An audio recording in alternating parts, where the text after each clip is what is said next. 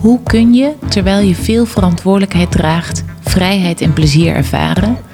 Op welke manier kun jij gezond leiding geven aan jezelf en anderen? Hoe kun je jezelf vrijspelen van blokkades uit het verleden? In deze serie ga ik in gesprek met experts over bepalende factoren voor het leiden van een lichter leven. Van filosoof tot topsporter en van directeur tot kunstenaar, allerlei perspectieven komen aan bod. Zodat jij volop inspiratie op kunt doen voor jouw leven. Altijd met de reflectie van mij, Emma Hafkamp, psychotherapeut, coach en eigenaar van Praktijk Lux. Kan iedereen denken en doen als een kunstenaar? En wat is de waarde daar eigenlijk van? Dat hoor je in deze aflevering, waarin ik reflecteer op een thema uit het gesprek met Marleen Twaalfhoven. Dit gesprek begint eigenlijk met de kunstenaarsmindset en vooral ook wat dat betekent voor Merlijn.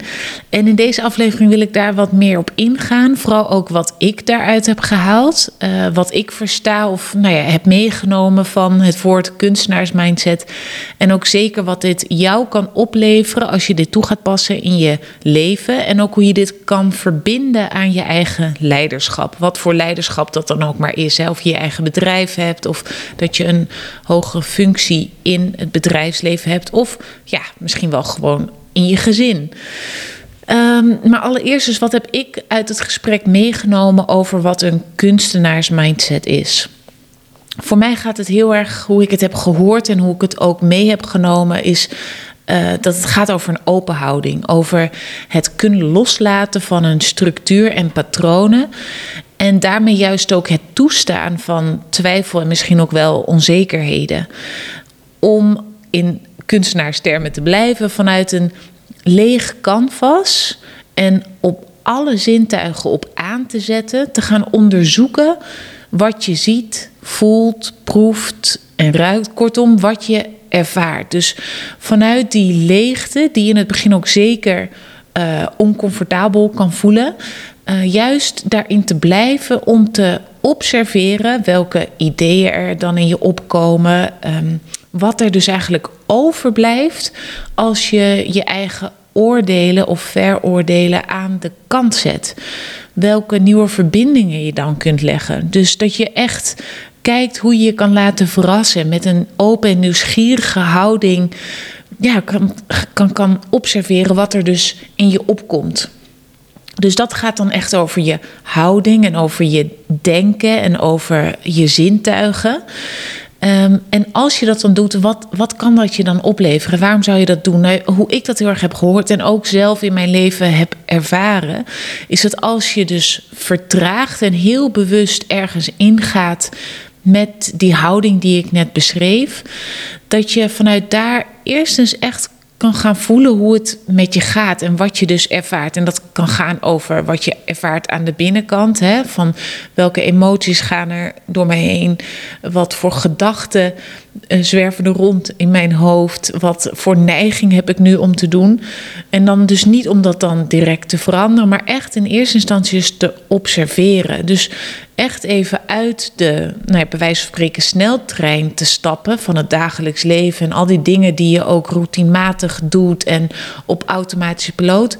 Maar juist dus want het gevaar daarvan, of het gevaar, het risico daarvan is dat je juist het contact of de verbinding met jezelf een beetje verliest. Dat je gewoon maar doorgaat en je jezelf niet eens meer echt afvraagt hoe het met je gaat. En daardoor voel je dat ook niet meer. Maar dus juist even te vertragen, die stoptrein te nemen. En momenten te pakken om nou ja, jezelf dus af te vragen: wat voel ik aan de binnenkant? En ook het naar buiten toe gericht, hè, met je zintuig van wat observeer ik om mij heen op dit moment? Uh, gebruik alles dat je eenmaal op aanzet en, en kijk wat je voelt. Hoe voelt de lucht? Voel je regen? Voel je zon? Wat hoor je voor geluiden om je heen? Wat zie je bij andere mensen in hun gezichtsuitdrukkingen of in de natuur, waar je dan ook maar bent? En om vanuit die plek, waarin je dus echt eerst zelf bent gaan vertragen en gaan voelen en ervaren wat jij allemaal aan de binnenkant en aan de buitenkant meemaakt, om daar dan vervolgens over te gaan delen met anderen. Dan kun je namelijk anderen ook raken met jouw ervaring en jouw observaties. Daarmee breng je herkenning en erkenning teweeg bij anderen, wat voor anderen fijn kan zijn, maar zeker ook voor jou, omdat op het moment dat jij gaat delen, heel vaak de reactie is dat andere mensen ook gaan delen. Dus dan komt daar een wisselwerking, dan komt daar verkeer tussen jou en de ander. En zo kunnen daar allerlei lijntjes gaan ontstaan. Het leidt dus tot echt contact. En misschien ook wel tot nieuwe vormen van contact of een verdieping van relaties die er al zijn, omdat je andere dingen deelt of nieuwe dingen deelt en daarmee ook weer andere en nieuwe reacties bij de ander uitlokt. En dit geeft dus de kans op, of nou ja, misschien ook wel het risico op, nieuwe ideeën, nieuwe structuren. In ieder geval meer vrijheid, omdat je wat meer mag spelen. Je kan wat meer buiten de lijntjes kleuren en ja, echt tot nieuwe ontdekkingen komen. Je kan ook anderen dus meer een stem geven door eerst zelf jouw stem te gebruiken. Dus doordat jij meer gaat delen, bied je de ander een voorbeeld en daarmee lok je ook vaak gedrag uit dat de ander ook meer gaat delen. En daardoor kan jij dus ook weer nieuwe geluiden binnenhalen. Want wat de ander denkt en voelt en ervaart, ja, dat, is, dat kan nieuw voor jou zijn en weer nieuwe inspiratie zijn. Want jij kan uiteindelijk alleen maar denken en voelen en observeren wat in jouw hoofd en in jouw lijf en in jouw zintuigen gebeurt. En hoe kan je dit dan verbinden aan je eigen leiderschap? Dat is precies waar, waar denk ik een bepaalde vorm van goud zit. Want als jij als leider ook de moed hebt om bepaalde structuren in jouw bedrijf of in jouw functie voor in ieder geval een tijdje los te laten, dan kan er ruimte ontstaan voor andere gesprekken, andere ideeën. Misschien wel de stem van diegene die je juist niet zo vaak hoort. En daarmee bied je dus jouw rolpatroon of jouw functie of jouw bedrijf juist ook de kans om innovatief te zijn, om creatief te zijn, om een plek te zijn waar gespeeld mag worden, waar fouten gemaakt, fouten gemaakt kunnen worden, om juist daarvan te leren en daar weer uit te groeien. Um, om dus ook twijfels toe te laten van oeh ja, ik weet niet wat er gebeurt als ik het loslaat, maar goed, ik ga het maar gewoon ervaren en bekijken waar het schip strandt op zijn minst ga je een nieuwe ervaring opdoen.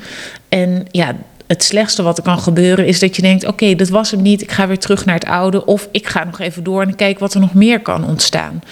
Het vraagt van jou als leider dus zeker ook om moed, hè, om durf ook om de onzekerheid en het ongemak dat daarmee gepaard kan gaan te kunnen verdragen. Hè? Dat als dat opkomt, dat je niet daar gelijk van wegrent of er gelijk mee stopt, maar dat je weet: oké, ja, Emma heeft me gewaarschuwd, dit kan opkomen. En dat je daar gewoon door blijft ademen en gewoon door blijft gaan, want je gaat er niet dood aan, aan die onzekerheid. Het vraagt ook van jou misschien wel om echt een stapje opzij te kunnen zetten. Um, op het moment dat jij andere stemmen ook de ruimte kan en wil geven, is het vaak nodig dat je ook letterlijk ruimte maakt door jouw eigen stem of jouw eigen aandeel ook al dan niet tijdelijk wat kleiner te maken. Dus je wil ook uitstralen dat je vertrouwen hebt in de ander, dat ook al weet de ander nog niet wat er precies komen gaat en jij dat ook niet, maar dat je toch vertrouwen hebt in dat zij zich mogen laten horen en dat daar interessante dingen uit voort kunnen komen. Om vervolgens dus samen op misschien wel dus eigenlijk een meer gelijkwaardig niveau tot nieuwe creaties te kunnen komen. Dus ik zou zeggen, je hebt deze aflevering niet voor niks aangeklikt. Je bent nieuwsgierig naar de kunstenaarsmindset en hoe dit voor jou als leider um, iets kan betekenen in jouw leven. Probeer het eens uit. Je hoeft het niet gelijk alles om te gooien of alles los te laten waar je houvast in hebt. Maar probeer het eens op een klein stukje uit. Je kan heel klein beginnen door, nou ja, misschien is een vergadering een hele andere vorm te geven of anders te openen. Of um, misschien andere dingen waarvan je ziet, oh ja, dat is een heel erg wekelijks terugkerend element in ons bedrijf of in ons gezin. Hoe kan je dat eens een keer helemaal anders neerzetten? En dan hoeft dus niet wederom het tegelijk het de hele week er anders uit te zien. Maar probeer eens met één, één element wat te gaan spelen en nieuwe dingen uit te proberen. En dan dus op een hele open manier te gaan ervaren met al je zintuigen welk effect dit heeft. Ik wens je vooral heel veel plezier. Ik hoop dat je genoten hebt van de aflevering en dat je geïnspireerd bent geraakt. Wil je geen enkele aflevering missen? Abonneer je dan op de Lichter Leven podcast door op de knop volgen of abonneer te klikken. Ook zou ik het ontzettend waarderen als je een review achter wil laten in de app waarmee je deze aflevering hebt geluisterd. Of deel bijvoorbeeld deze aflevering met iemand uit jouw netwerk die hier ook van kan profiteren. En heb je behoefte dat ik met je meekijk naar hoe jij zelf een lichter leven kunt gaan leiden? Bekijk dan mijn aanbod op de website praktijk-lux.nl. Deze link kan je ook in de show notes vinden. Of contact met mij op LinkedIn en Instagram. Ik kijk er naar uit om je te ontmoeten.